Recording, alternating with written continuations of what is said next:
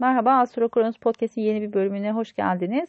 Bu bölümde 11-17 Kasım tarihleri arasını konuşacağız. Ee, Akrep burçları için pazartesi salı açıkçası o ilişkiler konusu oldukça hassas. Dolunay zaman için zaten bu konuyu konuşmuştuk. Şimdi e, yönetici gezegeniniz terazi burcunda çok rahat ettiği bir konumda değil ama Jüpiter'le uyumlu bir açısı olacak bu hafta. 27 derece hava elementi ile 27 derece ateş elementinde göstergeleriniz varsa olumlu bir açıda e, kullanabilirsiniz bunu. Bazı fırsatlarla karşılaşabilirsiniz ya da bazı akıl hocalarıyla, uzmanlarla, mentörlerle karşılaşabilirsiniz. Bu konuda destek alabilirsiniz. Bu derecelerde göstergeleri olanlar için e, olumlu fırsatlar çıkabilir karşılarına. Ama dediğim gibi Merkür Retrosu olduğunu asla unutmayın. Yeni teklifleri her zaman temkinli yaklaşıyoruz ve her zaman e, bir e, ikinci bir gözün kontrol etmesini istiyoruz.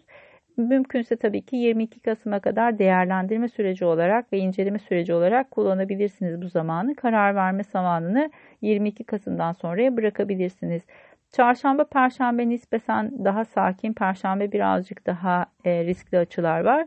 Çarşamba ödemeler, faiz, krediler bu tarz konular ön planda olacaktır sizin açınızdan.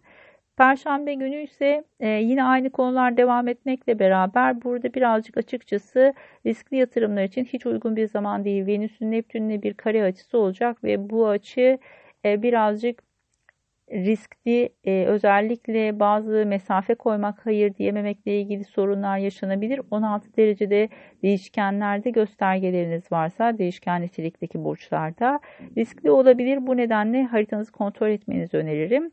E, Cuma, cumartesi, pazar eğitim, yolculuklar, e, seminerler, kongreler bunlar açısından oldukça olumlu. Yasal konularda bazı dinamikleriniz varsa bu süreçler açısından destekleyici olacaktır.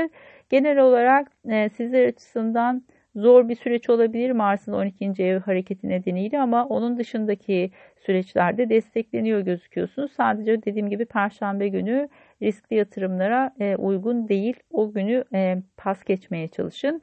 Önümüzdeki podcast'te görüşmek üzere. Umarım keyifli bir hafta olur sizler açısından. Hoşçakalın.